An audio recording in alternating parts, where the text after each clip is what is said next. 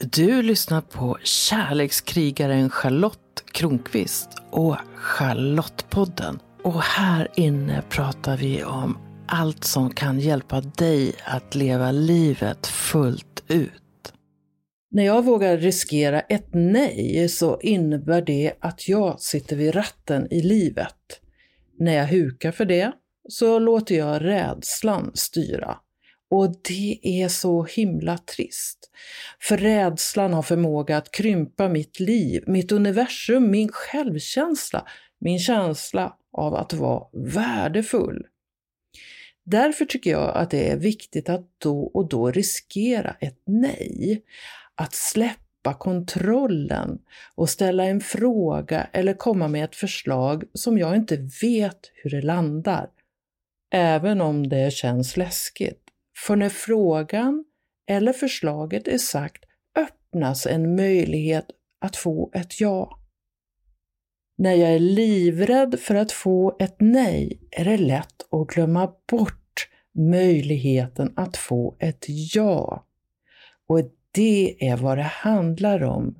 När du vågar riskera ett nej så har du också chansen att få ett ja. När rädslan för ett nej tar så mycket plats i dig att chansen att få ett ja inte riktigt räknas in, då styr rädslan. Då är det viktigare att slippa vara rädd än att få livet att bli större. Då väljer du ett mindre liv som kanske känns lite tryggare och kanske också lite tråkigare. Men vad skulle hända om du oftare tar risker. Hur levande vill du vara? är en fråga som jag har ställt många gånger. Och när jag verkligen vill känna mig levande blir jag mer villig att ta risker, som att ställa en fråga utan ett säkert ja till svar. När jag ordnar kurser är det viktigt med gränser och gränssättning utbildning. Det är viktigt att personer som går en kurs hos mig känner sig trygga och att de inte riskerar att känna sig kränkta av något skäl. Och det förutsätter att de både har förmågan att uttrycka sina egna gränser och att respektera andras. Och för att kunna göra det behöver gränsen uttryckas. Det gäller att säga ja när det finns ett ja och nej när det finns ett nej. Det är också bra tillfällen att träna på att lära sig sina gränser och att när det känns rätt expandera dem. Och det är också intressant att börja lägga märke till hur det känns att säga ett ja, att säga ett nej, att ta emot ett ja och att ta emot ett nej. De här fyra sakerna kan väcka olika känslor till liv i dig. Hur reagerar du på att ge ett nej och hur reagerar du på att få ett nej? Och när jag kan lita på att du säger nej när något inte är okej, okay, då får jag också lättare att lita på dina ja. Äkta nej tycker jag leder fram till mer äkta ja. Och då får man en bättre spelplan, det blir större tydlighet, det blir mindre risk för kränkningar och tryggheten växer. Vi lever ju i en kultur där det både finns mycket konflikträdsla och samtidigt ett ganska hårt klimat där människor pucklar på varandra i till exempel sociala medier. Rädslan för att få på käften i just sociala medier kan göra att en person tystnar det har hänt mig flera gånger. Och det är inte det första stället jag skulle välja för att testa mitt mod att säga nej eller säga ifrån. Och jag tycker att det är viktigt att samtala på ett nyktert sätt, att vara vänlig, även om man har olika åsikter. Jag har sett alldeles för många exempel på motsatsen under pandemin. Nåväl, jag tappade fokus lite grann där, kanske. Vad jag är ute efter är att det kan vara bra att välja arena när du tränar på att sätta sunda gränser. Vill du ha en kaka till? Nej tack. Det kanske är ett bra och ganska ofarligt ställe att börja, även om den som bjöd på kakan verkar ledsen eller lite besviken en stund. Fundera gärna på när du tvekar om att sätta gränser. Vilka blir konsekvenserna av det? Om du är en ja-sägare som dessutom tycker synd om dig själv riskerar du att bli ett offer eller ses som ett offer och det är inget jag rekommenderar. Det är så lätt att skylla på andra när man själv har svårt att sätta gränser. Det var hens fel. Men tänk dig istället att du kan säga nej, att du inte dör av obehag första gången och att det faktiskt går lättare för varje gång. Tänk dig att du börjar utmana rädslan att få ett nej och så upptäcka att något annat hände. Att du fick flera ja än förväntat. Det är då du börjar känna att det verkligen är värt det. Min erfarenhet är att gränser kan förändras över tiden. Något som känns okej okay under en period känns inte okej okay under en annan. Lyssna in dig själv. Lyssna verkligen, verkligen in dig själv. Du är den viktigaste i ditt liv.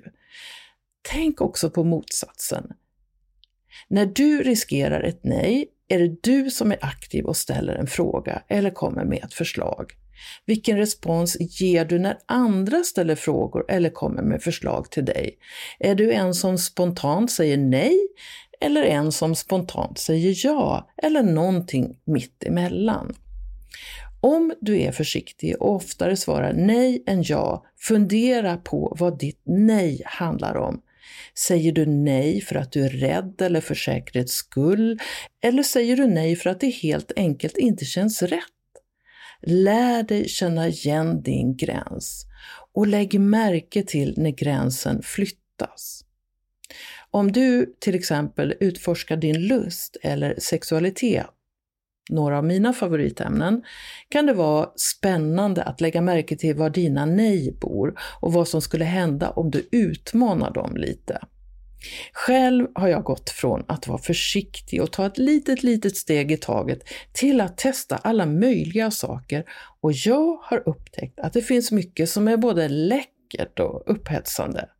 Det hade inte hänt om jag stannat i mina försiktiga nej. På samma sätt kan det också vara att säga oreflekterade ja.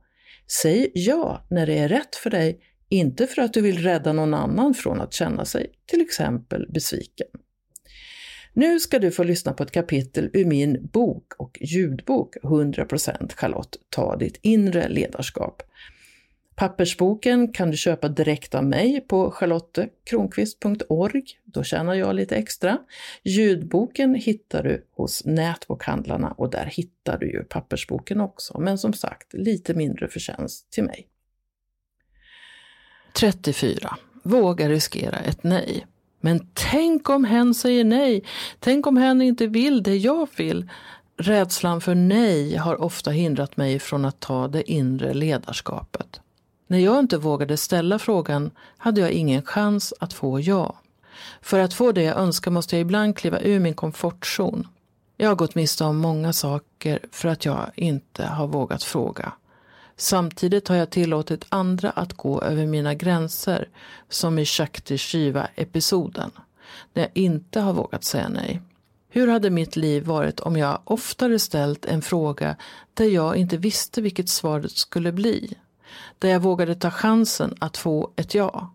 Tänk om jag hade vågat ta emot den känsla som ett nej skulle innebära. Tänk på alla de gånger jag inte sagt nej till andra av rädsla för att göra dem besvikna. Det är viktigt att få ett sundare förhållande till nej och därmed till mina egna gränser. Att säga nej är komplext. Å ena sidan kan det vara svårt att säga nej till andra. Å andra sidan kan det kännas darrigt att ställa en fråga som riskerar att få ett nej till svar. I båda fallen handlar rädslan om att jag förmodligen bryr mig för mycket om den andra. När jag är rädd för nej bryr jag mig om den andres känslor, inte om mig eller mina känslor. Låt oss säga att jag vill dejta någon. Jag går fram till hen och ställer frågan. Hen säger nej. Vad händer i mig då? Det kan kännas pinsamt att ha ställt en fråga som resulterat i ett nej. Vad ska hen tänka om mig? Eller säg att någon ber mig om en tjänst. Jag säger ja, trots att jag egentligen inte vill. Vad händer i mig då? Säger jag ja för att inte göra hen besviken? Säger jag ja för att på så sätt garantera ett ja nästa gång jag vill något? Jag säger nej. Hen säger att hen blir besviken på mig. Vad händer i mig då? Det kan kännas jobbigt. Men när jag tänker att ett nej till en annan samtidigt är ett ja till mig känns det lättare. Det är viktigt att utmana rädslan för ett nej. Nej, hen vill inte. Okej, okay, jag frågar någon annan. Jag har också haft en föreställning om att det inte är riktigt tillåtet att be om bekräftelse. Att det ska komma automatiskt. Vilket i praktiken innebär att jag önskar att min omgivning är tankeläsare. Annars har det mindre värde. Men varför det? Det finns stunder då jag känner mig osäker. Då telefonen är tyst och ingen säger hej i sociala medier. Jag drabbas av en känsla av värdelöshet. Osäkerheten och rädslan kan triggas av en sån här episod. Jag sätter på mig en fin klänning och hoppas att mannen ska säga att jag är fin. Eller jag drar ett extra drag med det knallröda läppstiftet för att få en reaktion från honom. Men inget händer eftersom han är uppfylld av sitt. Då kan jag välja att tycka synd om mig själv och gå in i en bubbla av osynlighet, kanske till och med vältra mig i känslor av värdelöshet. Men hur kul är det? Jag har lärt mig att jag kan bryta sådana mönster. Min omgivning är inte tankeläsare och jag är inte navet i universum. Ska jag få mina behov tillfredsställda behöver jag uttrycka dem. Det är inte så smart att bli ledsen och liten för något som inte har uttalats. Ibland ber jag mannen att titta. Jag ber honom att se mig och bekräfta mig. Det kan kännas eh, pinsamt men efter flera års samliv vet jag att han inte är ordens man. Det är inte naturligt för honom att säga att jag är bra eller snygg. För att få det jag behöver måste jag be om det. När jag uttalar mina behov händer det ofta att de uppfylls. Inte alltid, men ofta. Det finns en liten risk för ett nej. Kanske är det där skon klämmer. Att jag väljer att inte uttrycka mitt behov eller vilken känsla jag har för att jag är rädd att inte bli mött. Att jag ibland är så rädd att få ett nej från honom eller någon annan att jag låter bli att säga något. När jag låter bli att uttala mina behov så lägger jag makten över mitt välbefinnande i någon annans händer. Jag överlåter till den andra att ge mig ett värde. Logiken är ungefär den här. Jag har ett behov av att någon annan bekräftar mig. Personen låter bli. Alltså har hen bevisat för mig att jag inte är värd att bekräfta. Om jag ber mannen att bekräfta mig och han väljer att låta bli kan jag välja att känna mig besviken. Jag kan fortsätta tycka synd om mig själv. Jag kan låta hans bristande bekräftelse göra att jag sjunker ner i självömkan. Jag kan välja att försvara mig på alla möjliga sätt, till exempel genom att bestraffa honom genom att inte bekräfta honom. Och så har vi snabbt hamnat i en situation där vi är två barn som surar i varsin hörna. Jag kan också välja att acceptera och respektera hans nej. Jag kan våga se att hans nej är ett ja till honom själv och att det är okej. Okay. Jag kan ta hand om mina egna känslor och låta dem klinga ut. Kanske kan jag senare till och med tacka honom för att jag fick fortsätta känna det jag kände och lära mig något av det. Nu menar jag inte att jag ska säga nej för sakens egen skull. Det handlar mer om att våga lyssna på vad som är sant för mig och säga ja och nej på rätta ställen. Min erfarenhet är också att när jag vågar ställa en fråga så får jag oftare ja än nej. Är jag ledsen och ber om en kram så brukar jag få det. Men jag kan inte begära av hen att hen ska läsa av mitt krambehov bara för att jag ser lite ledsen ut. När jag tar mitt inre ledarskap vågar jag både uttrycka mina behov och riskera ett nej och möta många ja på vägen. Din läxa. Nästa gång du har ett behov, våga uttryck det. Stanna gärna upp en liten stund. Vad behöver du just nu? Vad skulle hända om du uttrycker dina behov? Det här är typiska frågeställningar som mina coachklienter tar upp. Rädslan som hindrar dem från att leva fullt ut.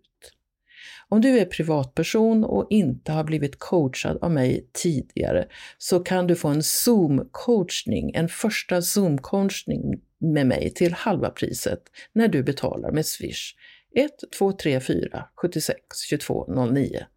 Du hittar uppgifterna på min hemsida också. Och du betalar bara 500 kronor inklusive moms för första timmen. Jag hoppas att du med tiden blir riktigt bra på att lyssna in dina egna behov och vågar riskera ett nej eller ta chansen att få ett ja. Kom ihåg att prenumerera på Charlottepodden så att du är med när nya avsnitt kommer. För vem vet vad du kan få lära dig om livet i det avsnittet. Rekommendera gärna podden till en vän så är du med och sprider vetskap om att den här podden finns och berätta vad den ger just dig. Jag skulle bli så glad om du också går in i din podcast-app och lämnar en kommentar eller skriver en recension av podden. Ju fler som gillar podden öppet, desto fler kommer också att hitta den.